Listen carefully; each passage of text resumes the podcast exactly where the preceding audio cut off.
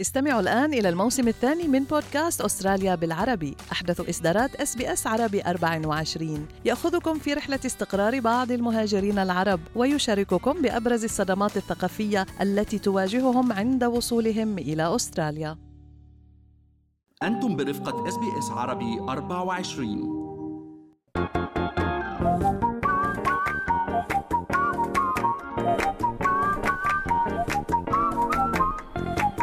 شو في ما في من أستراليا وحول العالم بفقرة منوعات؟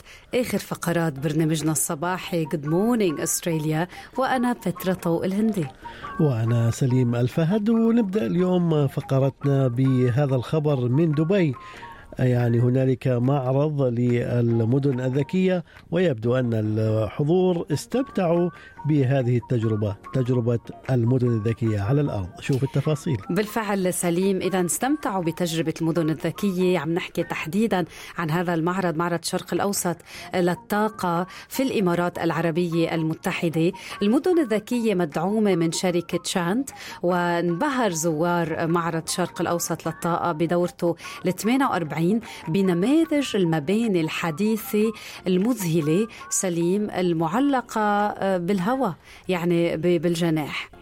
يعني وهذه المباني أيضا انتشرت بلونين. آه يمكن اللون الأزرق واللون الأخضر بحسب ما يذكر الخبر واللي ترمز إلى الطاقة المتجددة أو الطاقة المستدامة.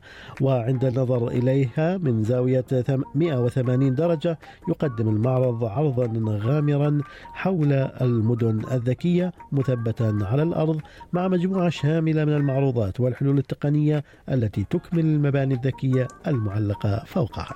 بالفعل سليم. مع هالخبر بننتقل لخبر تاني بشكل سريع. هالرجل اضطر للعودة للعمل وعمره 80 سنة. آه وكان في مبادرة كتير حلوة من طلاب المدارس طلاب المدرسة اللي عم يشتغل فيها. فاجأوه هو عامل النظافة وجمعوا له أكثر من 250 ألف دولار. والسبب حتى أنه يستطيع أن يذهب إلى التقاعد بعد أن اضطر للعمل نتيجة ارتفاع إيجار منزله بحسب ما نشرت صحيفة ذا جارديان البريطانية. ويعرف عامل النظافة بين الطلاب باسم مستر جيمس ورجع للعمل بيناير كانون الثاني بعد زيادة إيجار منزله بقيمة 400 دولار شهريا. وكمان هالطلاب أطلقوا يعني طلاب مدرسة ثانوية أطلقوا حملتهم ونشروها على التيك توك وكان الهدف أنه يجمعوا 10000 دولار ولكن الحملة جمعت أكثر من 270 ألف دولار للتبرع لهالشخص. طبعا عدد المتبرعين كان أكثر من 8000 متبرع. يبدو أن الحملة كانت قوية وساعدت في إعادة هذا الرجل إلى التقاعد.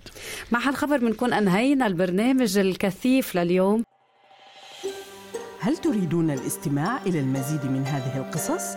استمعوا من خلال أبل بودكاست، جوجل بودكاست، سبوتيفاي أو من أينما تحصلون على البودكاست